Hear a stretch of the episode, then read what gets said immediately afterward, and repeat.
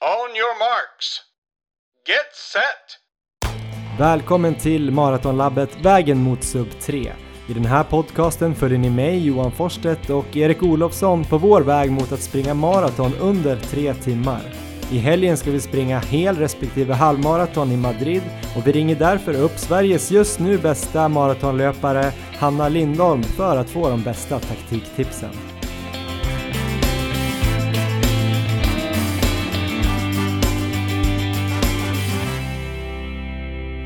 Jag är stark. Jag är snabb. Min kropp är en maskin. Jag bara rullar fram. Jag spränger barriärer. Det här känns lätt. Hej Erik! Hej Johan! Vad tyckte du om mitt mantra? Det där var fantastiskt, vilken inledning. Var det bra eller? Jättebra, jag känner mig, jag känner mig peppad.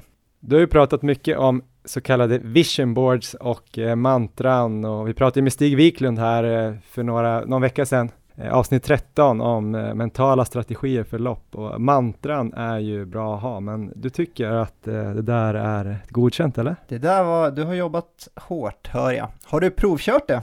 På träning eller på, du har inte kört något lopp, men på träning kanske? Alltså jag brukar ibland tänka att jag är en maskin, eller att kroppen är en maskin och att så brukar jag tänka så här, det här, det här är lätt för mig det. Men jag har inte testat exakt hela den här. Ja. Men jag får kanske, jag har ett pass kvar imorgon.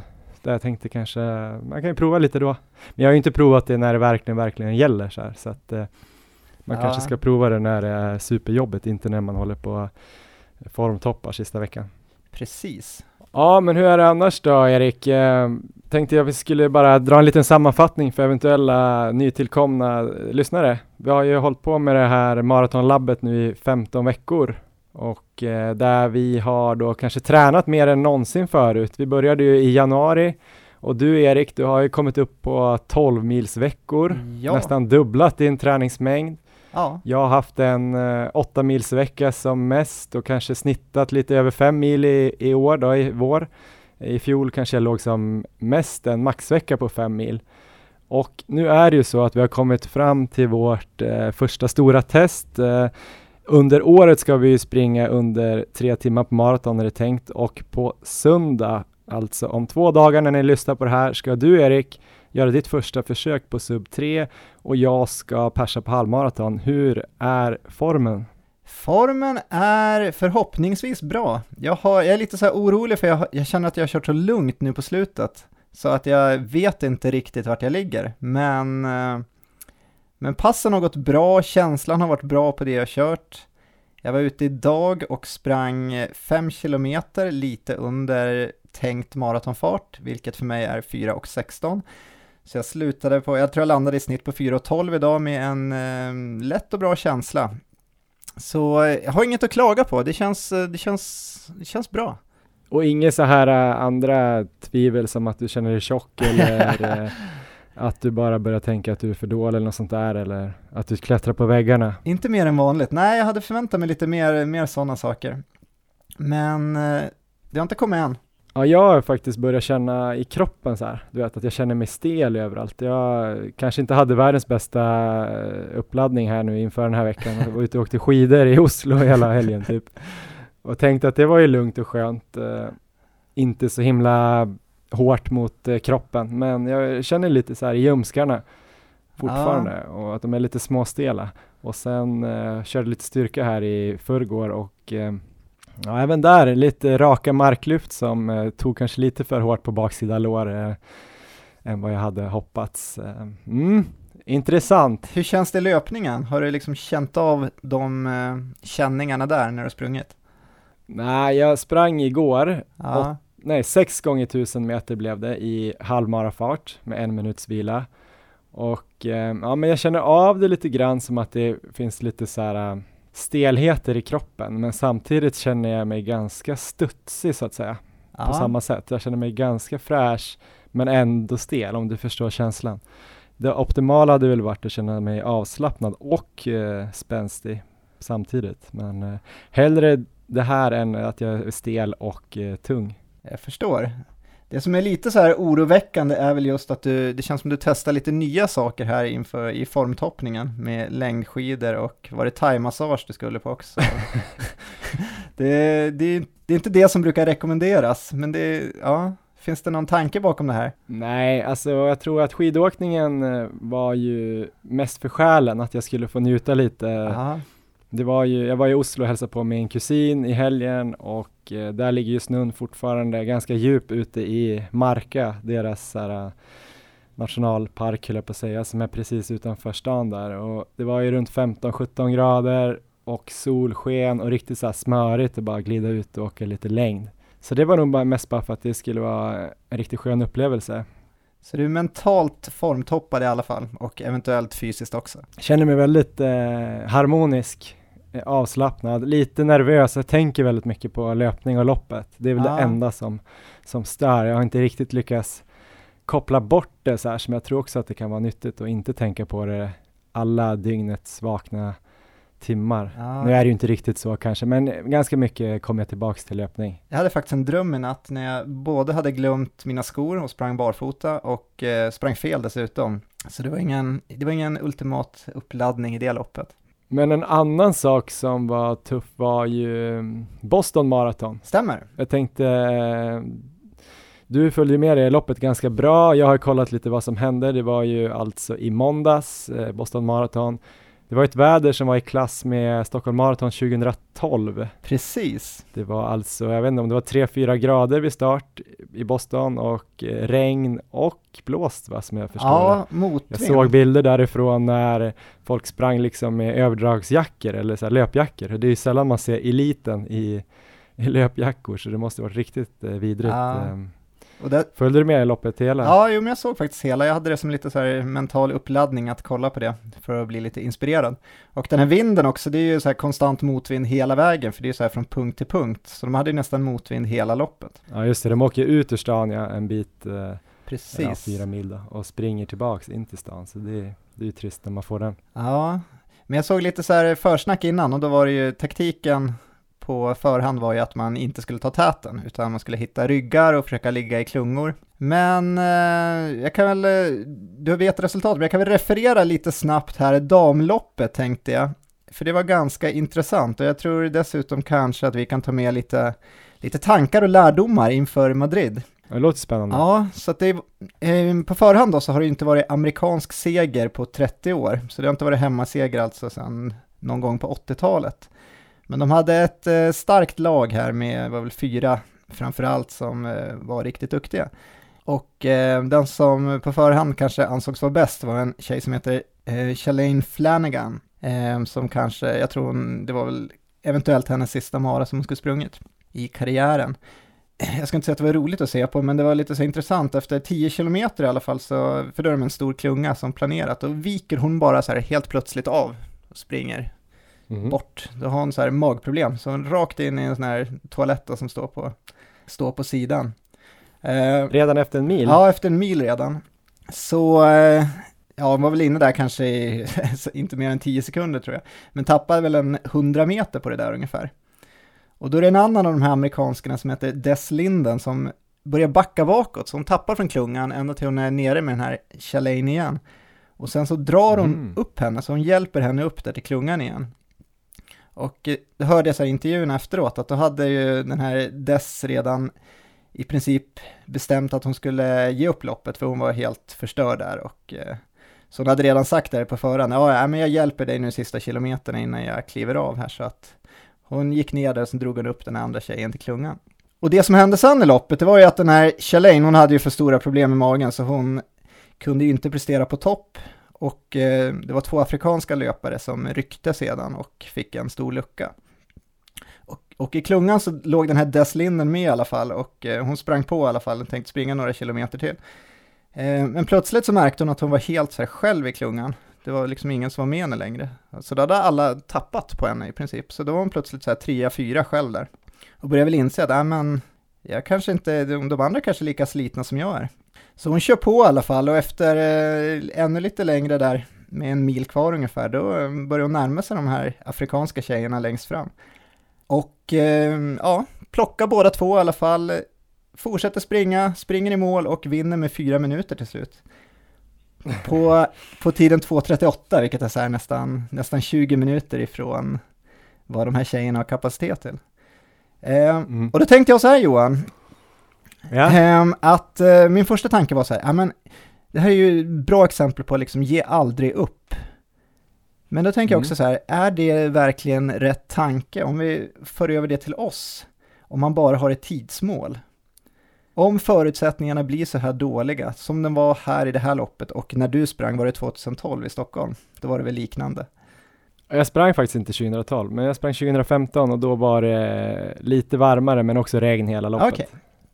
Men jag tänkte just, vad, vad är dina tankar om det liksom? Att, eh, är det, kan det vara rätt att bryta eller ska man fortsätta liksom och kämpa sig mål ändå, även fast man inte har en chans att nå sitt mål? Ehm, vad, vad tycker du om det? Jag tycker att vi borde ringa och fråga Kalle Halvarsson, för han fick ju mycket skit för det där i OS när han bröt fem milen. Ja, Eh, eller det var inte fem milen han bröt, han bröt um, skiathlonen. just det. Eh, vilket för mig kändes så här eh, helt rätt att göra. Ja, För han hade ju lopp eh, kvar som han kanske hade, om han kände att han var riktigt, riktigt eh, dålig form och trött i kroppen så kände han väl kanske, ja men jag har möjligtvis en liten, liten chans i, i sprinten. Och då klev han av när han var helt körd i det där loppet. Men det fick han ju väldigt mycket skit för att eh, man absolut inte ska bryta och han körde för Sverige och vilka signaler skickar det och har man brutit en gång så kan man bryta igen och sådär. ja, Eh, Men då kände jag lite grann, men det är klart att det är bara dumt att, att köra ner sig totalt. Du har ingen chans på de loppen som är kvar. ja, Så med det sagt så tänker jag lite högt här då om dig Erik, att eh, du har ju det här loppet nu ja, på söndag och sen är det sex veckor till Stockholm Marathon. precis. Jag vill ju liksom inte mm, plantera någon tanke i ditt huvud om att du skulle få bryta. Men jag känner väl lite grann om du springer 30-32 och du börjar känna att nej, det här kommer aldrig funka. Det blåser för mycket och det regnar och jag börjar bli sliten redan nu liksom. Ja, Då tror jag att det kommer försämra dina chanser i Stockholm om du, forts- om du kör klart loppet. Då skulle du kanske mer säga, ah, det här var en bra träning. Jag lärde mig väldigt mycket om ladda för maraton och så vidare. Men det finns ju också möjlighet att det blir en sån där grej att du då kommer börja känna efter för mycket i andra lopp i resten av livet. Ja, men vad tänker du själv då? Du lä- låter ju som att du har tänkt på det. Nej, jag tycker det är liksom en ganska svår, svår fråga. Alltså plusset att verkligen kämpa sig i mål, det är att eh, det ger ju mental styrka att liksom veta att man Ja. gör det, man har tagit sig igenom det och sådär. Så det är ju definitivt ett stort plus att ha med sig. Men samtidigt så blir det ju definitivt en längre återhämtningsperiod om man tar, tar ut sig helt sådär utan att liksom kunna nå sitt mål helt ändå. Ehm, Så i mitt fall där, om jag nu skulle se fram emot Stockholm till exempel, så skulle det, jag håller med, det skulle definitivt försämra chanserna. Så ehm, jag vet faktiskt inte, jag tycker det var, det var en så intressant, intressant tanke hur man ska göra. För dig är det ju också så här, di- ditt pers är ju väldigt gammalt va? Ja, på runt 3.10, 3.11 eh, och i fjol sprang du på 3.16. Jag menar om du skulle känna att du kan göra 3.07 ja, eller något sånt där. Alltså om du blir dåligt väder, annars kommer du såklart klara sub 3 eh, på söndag. Men om det skulle hända någonting, att du kanske inte behöver döda dig själv, men ändå kan göra ett pers och ja, känna så här, ja men eh, jag har tagit fem minuter från i fjol eller åtta minuter från i fjol och det här var inte ett perfekt lopp. Det kan ju också ge självförtroende och styrka.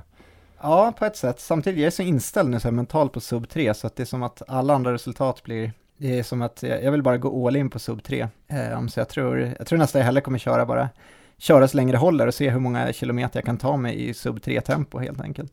Och sen få ta väggen när den kommer.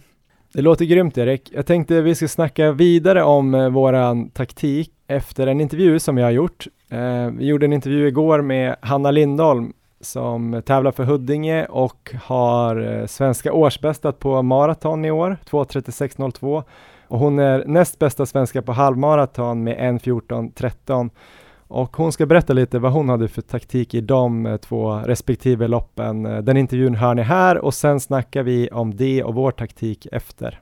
On your marks. Get set.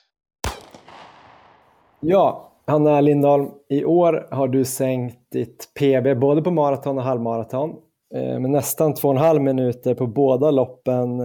2.36.02 i Dubai i januari på maraton och en 14.13 i Prag halvmaraton för tio dagar sedan. Eh, först och främst, eh, är det något speciellt som ligger bakom den här succéstarten på 2018?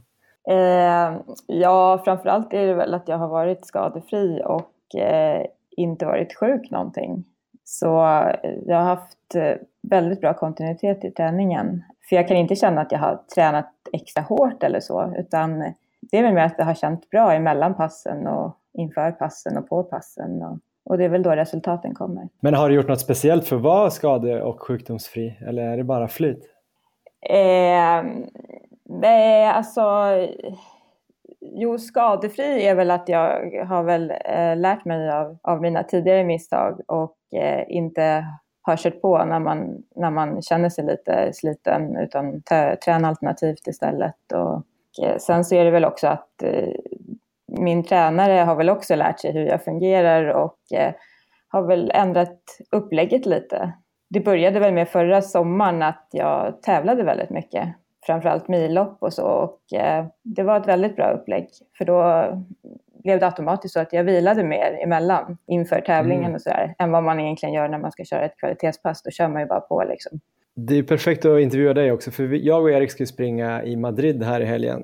Erik ska springa maraton och försöka göra under tre timmar och jag ska springa halvmaraton då under 1.24 och du borde ju ha alla taktiktips som vi behöver egentligen. Vi suktar ju lite efter lite tips här. Men om vi börjar med maraton tänkte jag. Ja. Och tänkte att vi går igenom lite. Du sprang i Dubai maraton i januari på 2.36.02. Mm. Eh, hur la du liksom upp taktiken inför det loppet? Vad var tanken att du skulle göra? Eh, alltså, målet var ju att klara EM-gränsen 2.38. Men eh, vi visste väl att eh, ja, jag skulle kunna springa ännu lite fortare. Och eh, i Dubai hade jag ju farthållarhjälp av min klubbkamrat. Så eh, egentligen så visste inte jag vilken tid vi skulle springa på utan han hade ju fått direktiv från min tränare. Eh, ah. ja, så att eh, jag, bara, jag bara flöt med liksom. Men sen visst, jag hade ju kollat att det var runt 2.36 vi siktade.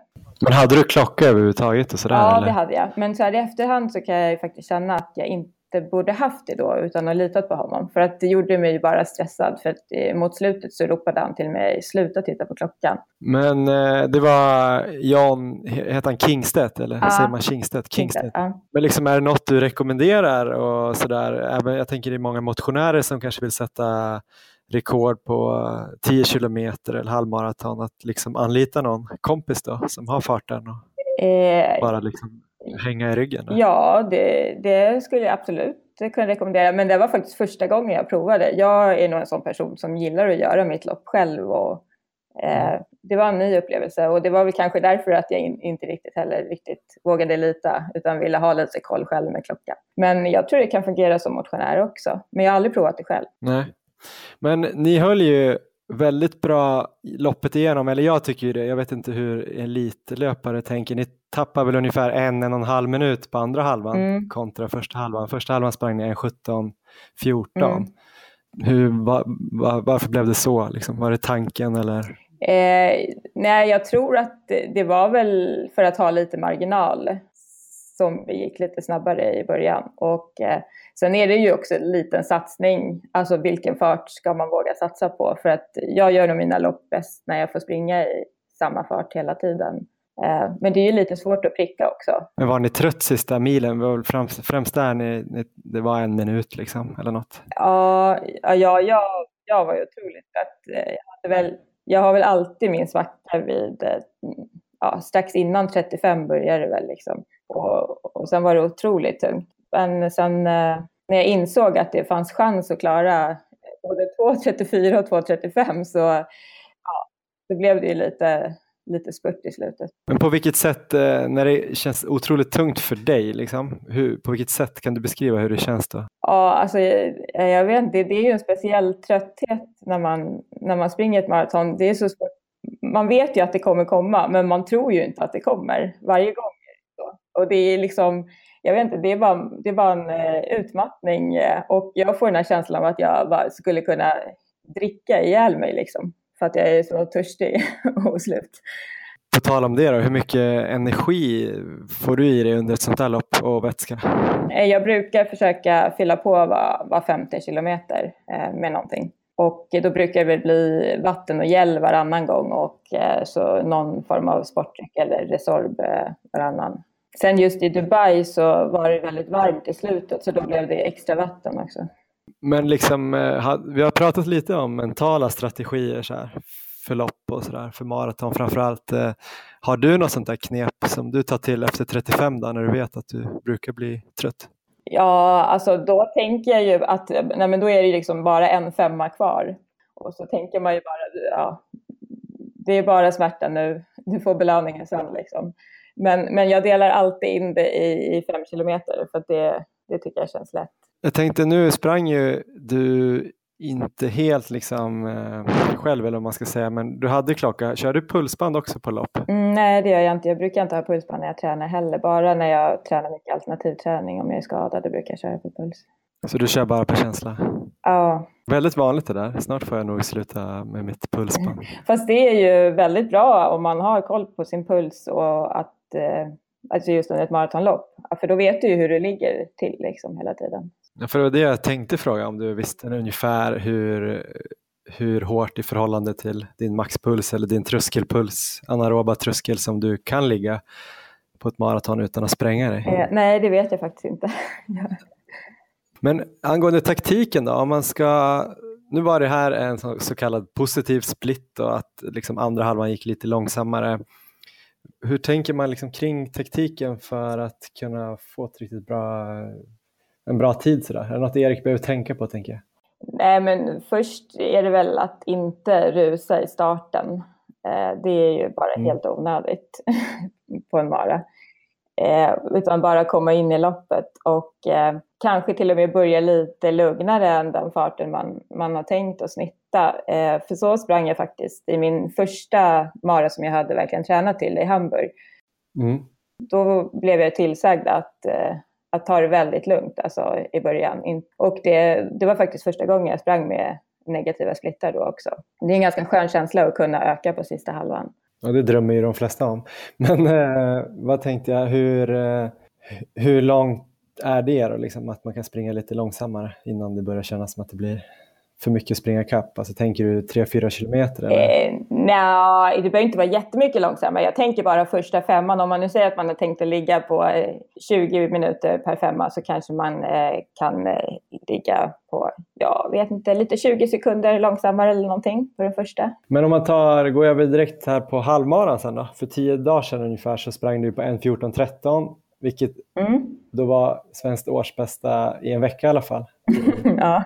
Till att Charlotta Fogberg sprang snabbt här i helgen. Då hade du 34.55 halvvägs, vilket som jag fattar också var ditt nya pers på milen. Eh, ja. Berätta om hur det loppet såg ut och hur, hur du tänkte där. Alltså hela tiden innan, ja, sen vi bestämde att jag skulle springa en halvmara så var det ju 3.30 fart som eh, liksom det jag har, har tränat in.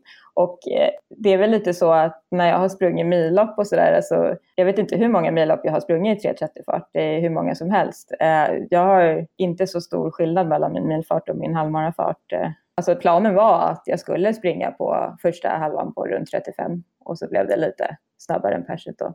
Och sen se hur långt det räckte. Hur långt räckte det då? ja, när jag tappade väl, var inte andra halvan 20 sekunder långsammare eller något sånt där.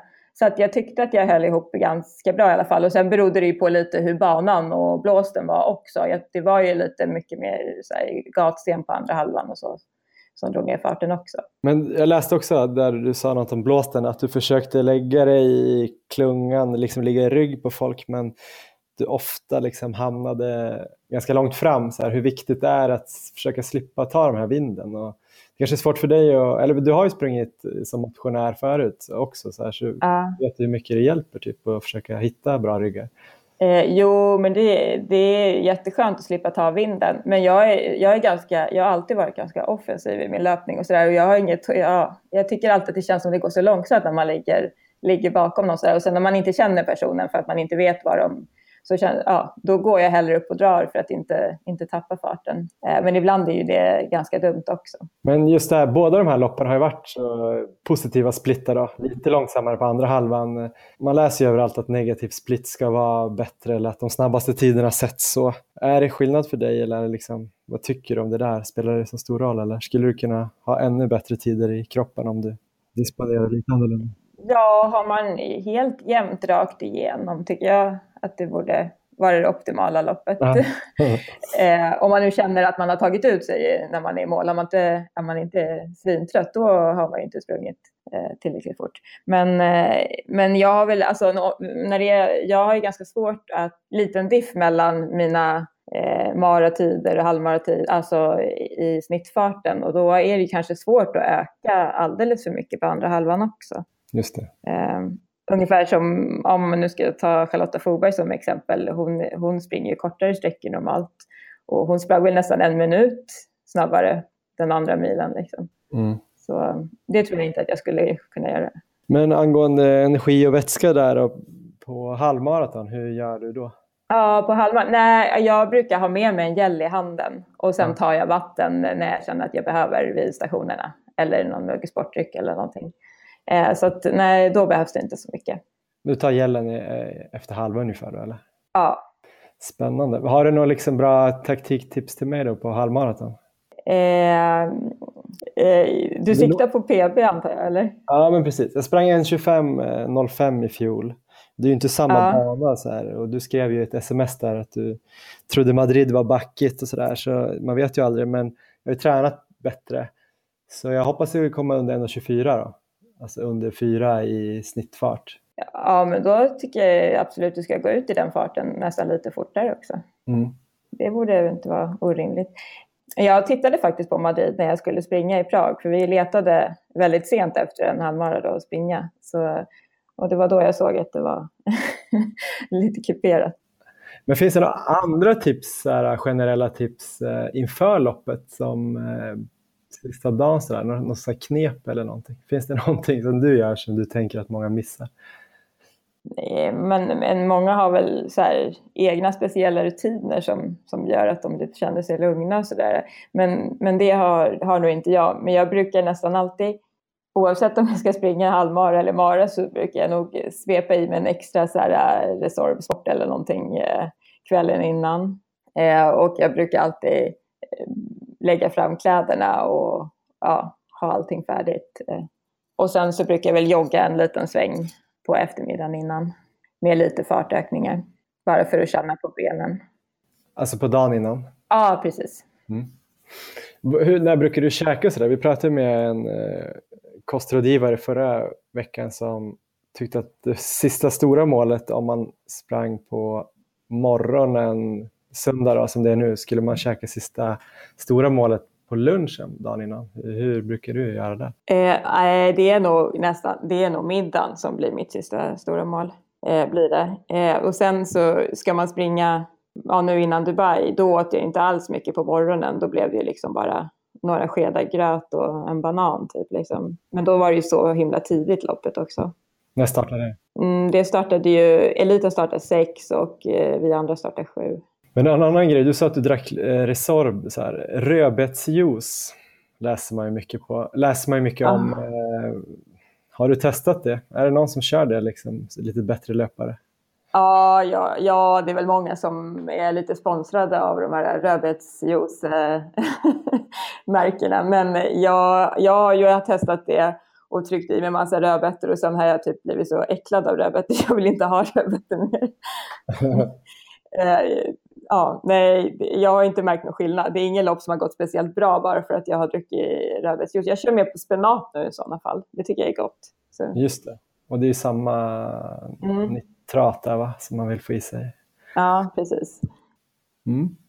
Ja, men superbra. Tack för eh, de tipsen i alla fall. Är det någonting som vi har glömt tror du för att vi ska PB? Eh, ja, knyt skorna ordentligt.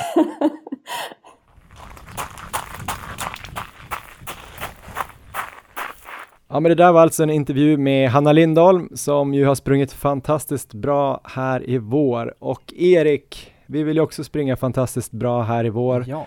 Du har gjort några bra lopp hittills, men på söndag är det ju något helt annat som väntar.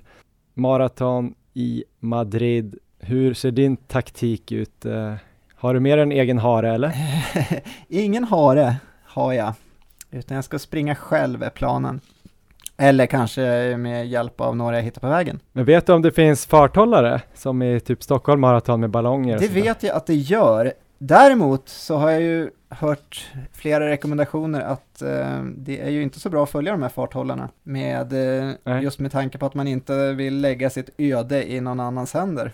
Så att jag skulle rekommendera att undvika att följa farthållarna om man inte har väldigt, väldigt bra koll på vem som är farthållare. Men hur tänker du då? Tänker du köra exakt 4.16 från start till mål eller kommer du försöka ligga lite snabbare i början eller som eh, Hanna tipsade om, kanske till och med lite långsammare i början? Jag, min tanke innan som jag haft förut, det var att försöka ligga mellan, alltså mitt tempo är ju, ska vara 4.16 i snitt.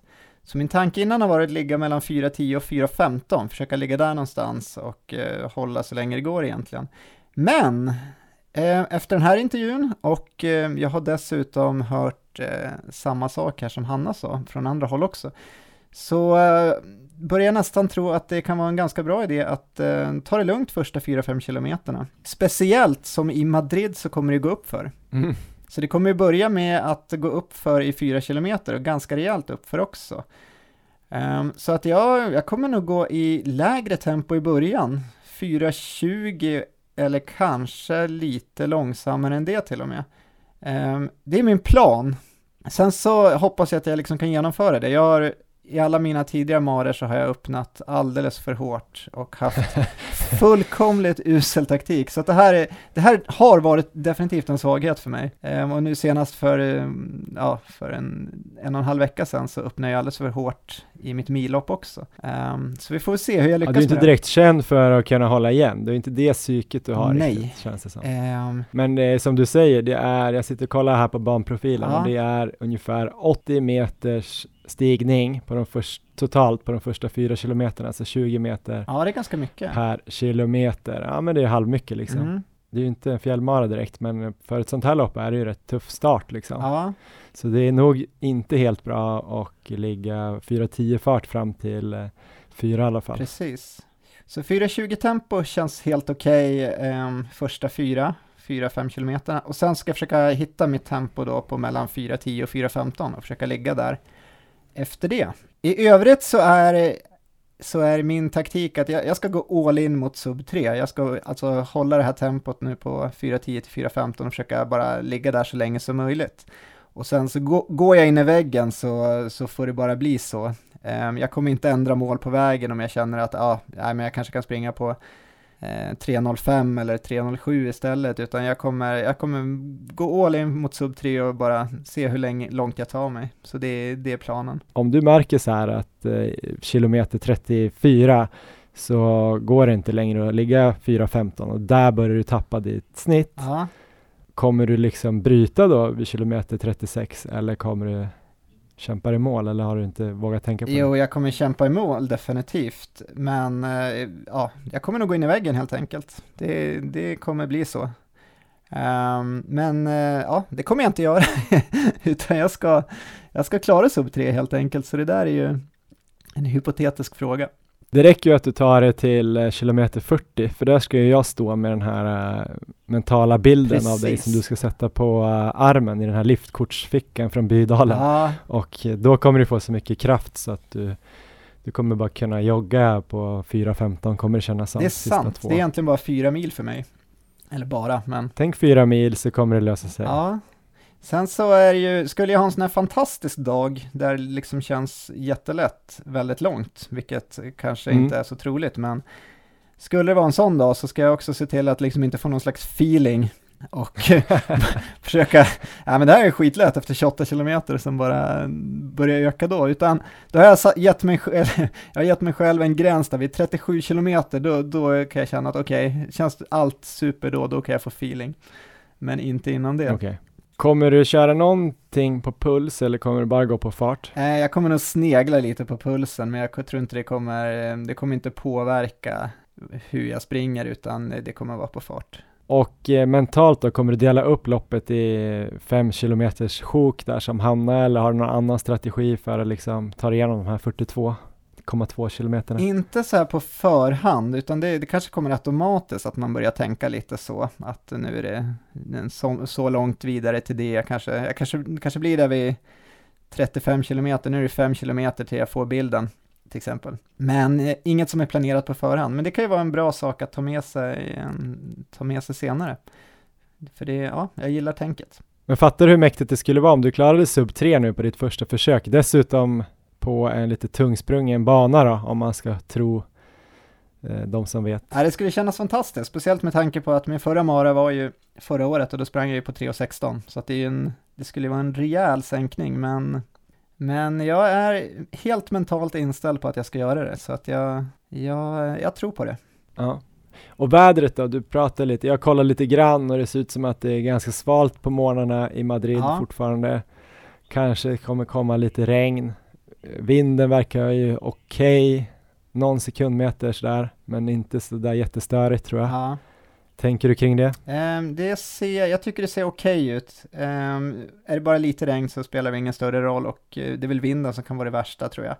Och den verkar, det var väl tre sekundmeter tror jag, så det är inte så farligt. Och uh, temperaturen verkar bra där på morgonen, det går ju klockan nio där, så att det, jag tror det blir, jag tror det blir bra, bra förutsättningar.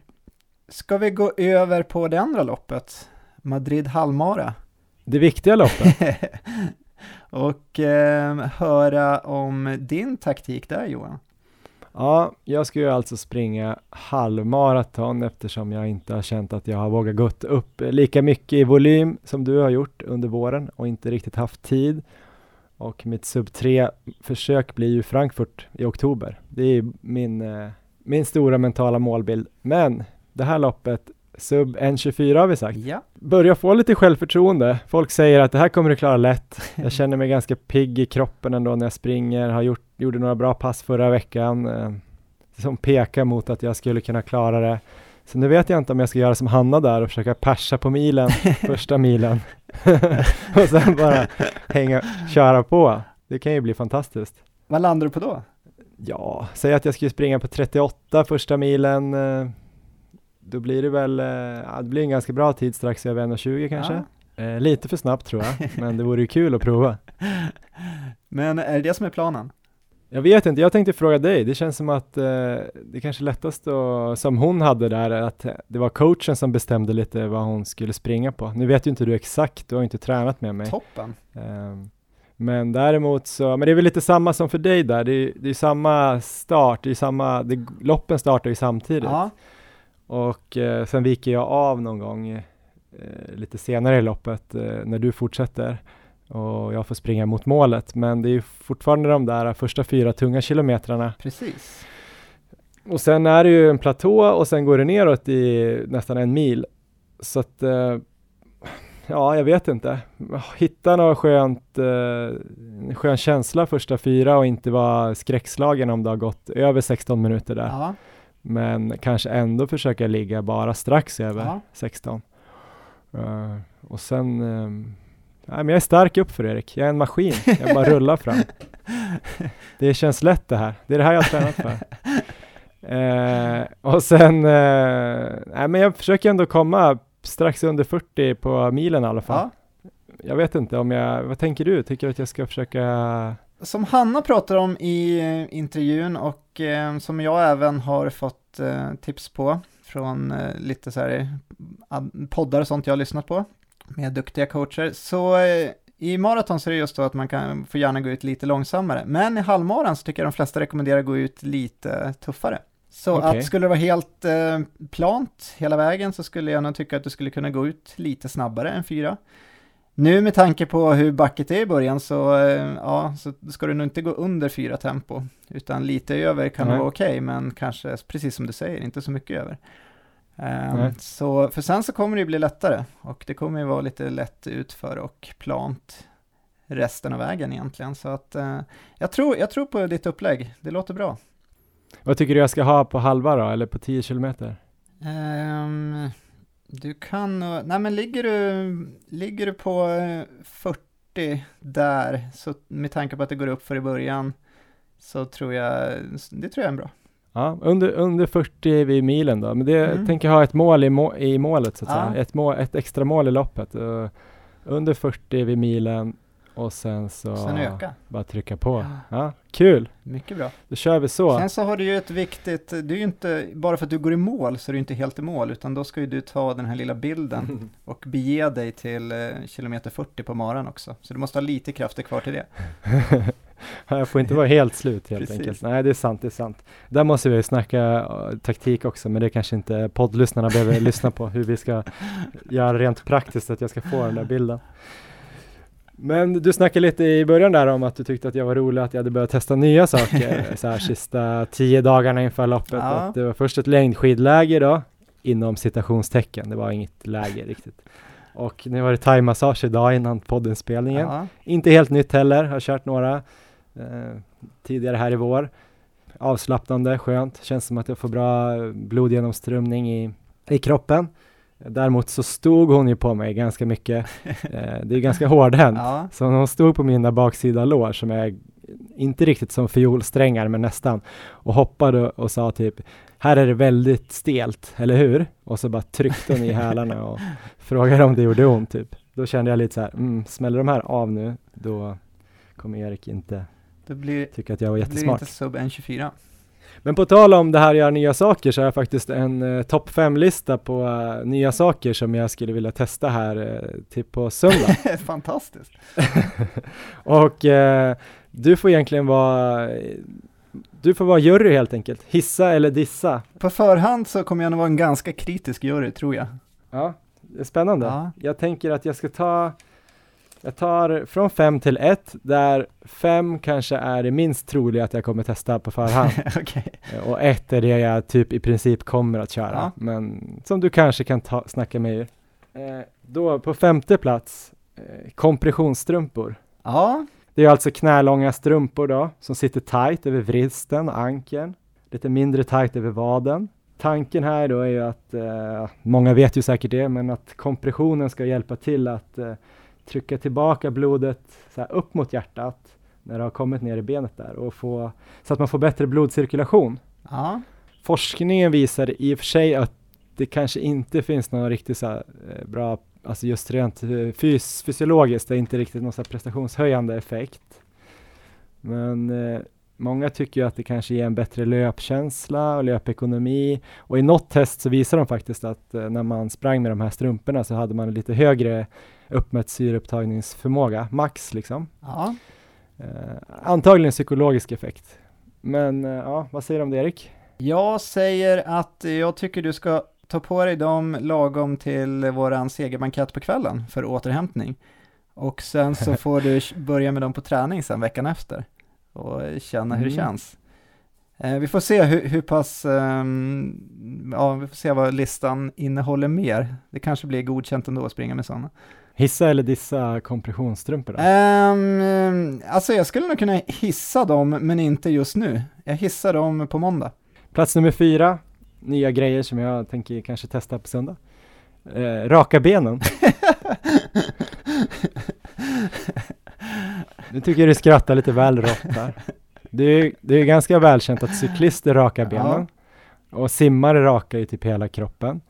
Mo Farah ser också jävligt rakad Ja. ut måste jag säga. Han rakar i huvudet också och hans ben är riktigt så här glansiga och fina när han springer. Ja. De måste ju vara rakade. Och det är ju, cyklister använder det i och för sig ganska mycket för att de får så mycket massage under de här långa torerna och det gör, kan göra ont om man har hår. Just det.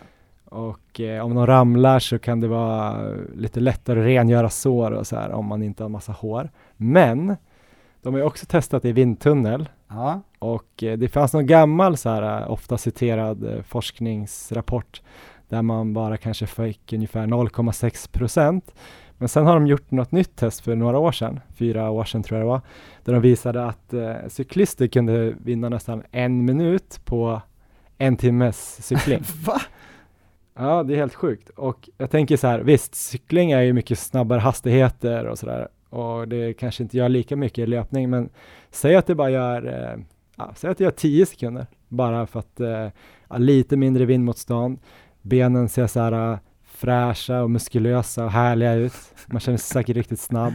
Vad tror du? Jag hissar det definitivt. Det här vill jag se. Du hissar det? här det? vill jag se och det vill jag att du testar så du kan rapportera sen. Ja, spännande, för det kan ju inte riktigt, eh, förutom att jag skulle kunna skära mig i benen när jag liksom gör det här, eller få någon sån här hårsäcksinflammation, Ja, så borde det inte vara något som är direkt negativt. ja, men annars så kommer det gå in på så här löjliga idrottsskador som kommer bli en senare lista. Bra poddavsnitt också, nummer 16, Precis. när jag ska förklara debaclet i Madrid. Så ja, nej men det är, jag, är, jag är 100% positiv till det här. Ja, men då checkar vi ja på den. Okej, trea här på listan är skriva mina mantran med tuschpenna på underarmarna. Ah, Typ så här, jag är stark, eh, jag är en maskin, det här är lätt, gud vad kul det är att få springa. Alltså skriver liksom, kanske lätt, stark, ja, maskin, Ja. sådana där ord på underarmarna. ja. I tusch så kan jag kolla på det liksom när det känns svårt och, och sådär. Vad tror du om det? Mycket bra. Eh, tusch vet jag inte, kanske någonting så här väldigt vattenfast, tänker jag. Men, men eh, mycket bra. Den där tyckte jag var den bästa hittills. Li- Ja, den var det, bra. Hissa alltså. Ja, verkligen. Det är lite som, eh, som vi pratade om triggers i, för två avsnitt sedan med Stig, där de skrev på skidorna. Så att det är, ja, definitivt.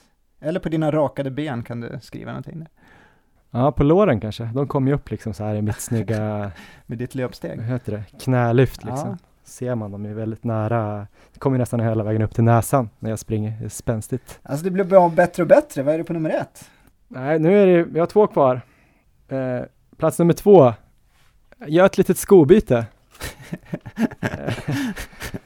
Jag har ju mest här i vår tränat i ett par eh, Nike Air Pegasus. Den klassiska, den fjolårets modell nummer 33.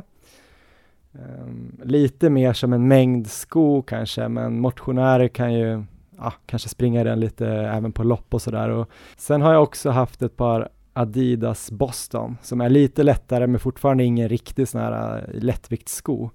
Och där har jag ju ganska nyligen köpt ett par nya, alltså Boston 6. Ja, De är ju faktiskt 35 gram lättare, de här Adidas Boston. Och då har jag räknat ut här att när jag springer i 3.59 fart, då brukar jag ligga på ungefär 175 steg per minut.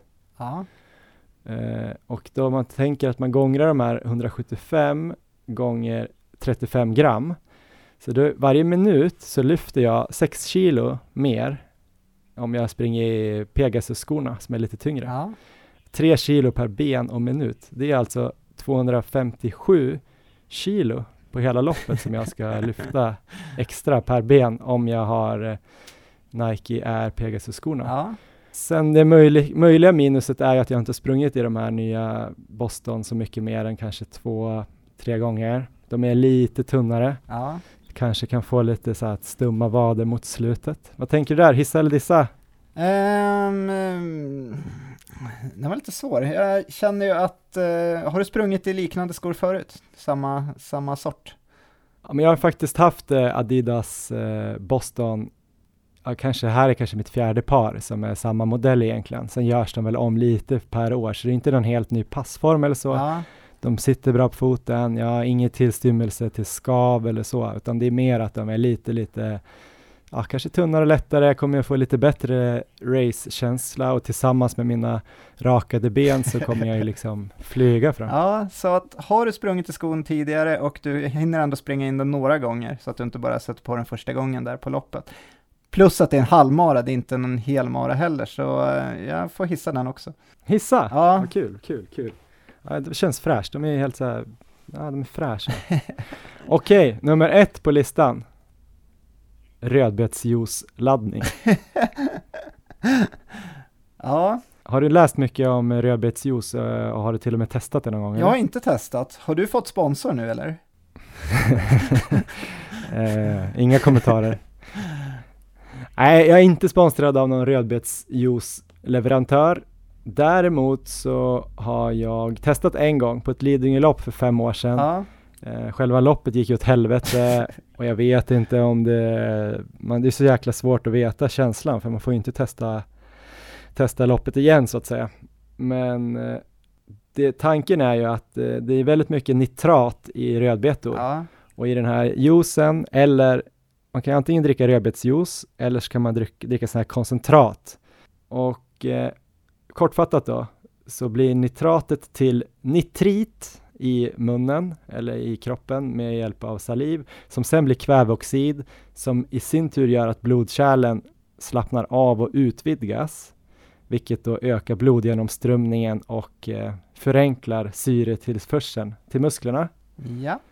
Och så har man också sett i studier att mitokondrierna, alltså cellens kraftverk där, förbrukar mindre syre i sin energiproduktion om den har mycket nitrat då, eller nitrit eller kväveoxid Ja. så att säga. Och det här verkar ändå som att det inte är så många som eh, motsäger vad jag har hittat. Eh, vi pratade ju med Linda Backman, eh, SOKs kostrådgivare förra veckan och hon har ju skrivit i sin bok, i slutet så finns det en, en liten bit om rödbetsjuice och nitrat, eh, att det ska kunna funka. Och eh, jag läste även, det är en eh, forskare på Karolinska, Filip Larsen tror jag han heter, eh, eller Larsen, han är väl svensk. Han har ju skrivit, han kom ju fram till att det verkar funka liksom. Och de säger att det påverkar eliten lite mindre, antagligen för att de redan är så himla fantastiska, men typ kan ändå hjälpa dem 1-3 procent eh, vid hårda intervaller. Och, eh, men upp till 15 procent hos motionärer. alltså att man får liksom, det tar längre tid innan man blir trött helt enkelt. Ja. Och då tänker jag så här, om man bara räknar då, om man räknar väldigt lågt med 1 procents förbättring, ja. då är det på 84 minuter, det är ju 5040 sekunder, det vet ju alla. Då är det 1 procent av 5040 sekunder, det är 50 sekunder. Så det här kanske kan ge mig typ sub 1,23, bara att jag dricker lite rödbetsjuice de sista dagarna. Plus de rakade benen. Hissa eller dissa? Ehm, det här kommer jag dissa och anledningen till att jag kommer dissa det här är att jag tror inte att du har druckit rödbetsjuice sista veckorna. Har du det? Nej, men... Så då eh, tror jag, jag tror att det är en risk att du kommer få köra som eh, kanske Flanagan där på Boston Marathon och besöka Mm. en toalett efter 10 kilometer om du inte är van. Så på grund av det, jag köper alla dina argument och jag tycker det här var väldigt intressant, precis som kompressionsstrumporna. Och det är något som vi kan börja prova när vi är tillbaka från Madrid. Men för det här loppet så eh, blir det en diss. Men vad ska jag göra med mitt eh, 15-pack av sådana här eh, koncentratflaskor då som jag är på väg hem till mig? Ditt spon sponsorpannband. Jag är inte sponsrad, jag svär. Men om någon där som lyssnar jobbar på ett eh, företag som säljer rödbetsjuice så är jag öppen för att bli sponsrad. Ja, mycket bra lista. Eh, Ja, här var över, över förväntan. Men då, om jag tolkar dig rätt då, du som ändå är eh, kungen av eh, löpvetenskap, så får jag alltså raka benen, Ja. byta skor Ja, och skriva mitt mantra eller kortfattade stödord av mina mantran på eh, underarmarna. precis.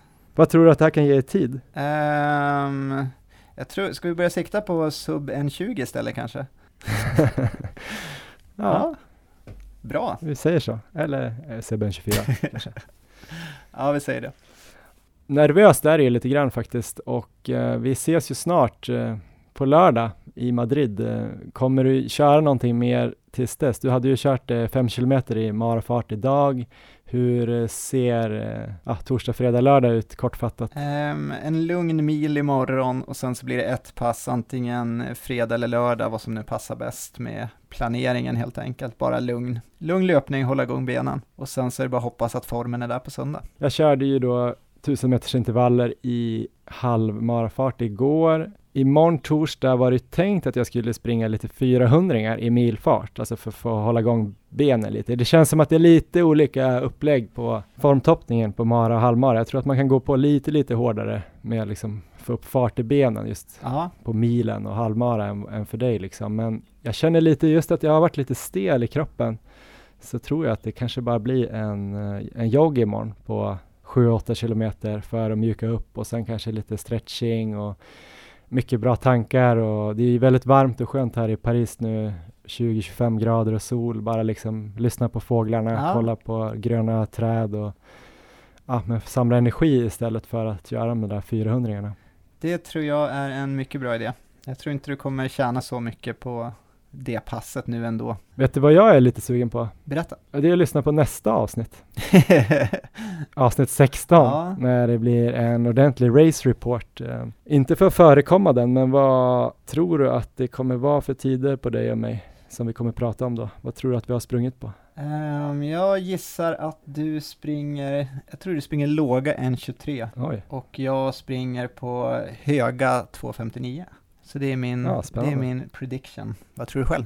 Ja, men eh, jag börjar känna att jag kanske har möjlighet att springa låga 1.23, eh, säg 1.23, 22. Ja, Det är ju inte så lågt, men jag måste ju vara lite defensiv. Och eh, sen på dig, ja, 2.59.37. ja taget. Grymt, då säger vi så. Vi skiter i loppet. Om ni vill veta innan eh, avsnitt 16 hur det har gått för oss så får ni gå in och kolla på eh, vår Instagram. Maratonlabbet heter vi där. Vi kommer ju garanterat inte kunna hålla oss från att lägga upp eh, resultatet där på söndag. Eh, annars finns vi också på Facebook, vi heter Maratonlabbet där, eller Gmail kan ni mejla till oss på maratonlabbet.gmail.com. Ja, Erik, ska Ja, vi sluta prata om det här så vi inte blir jättenervösa? ja det blir, börjar bli riktigt nervöst. Svårt att sova och nu vill man bara springa. Jag vill bara springa mer känner jag. Köra hårda pass och liksom Ja. långa pass och så kan man inte köra någonting. Ja, jag är i alla fall eh, stark, jag är snabb, min kropp är en maskin. Jag bara rullar fram, jag spränger barriärer, lätt. Hej då! Hej då.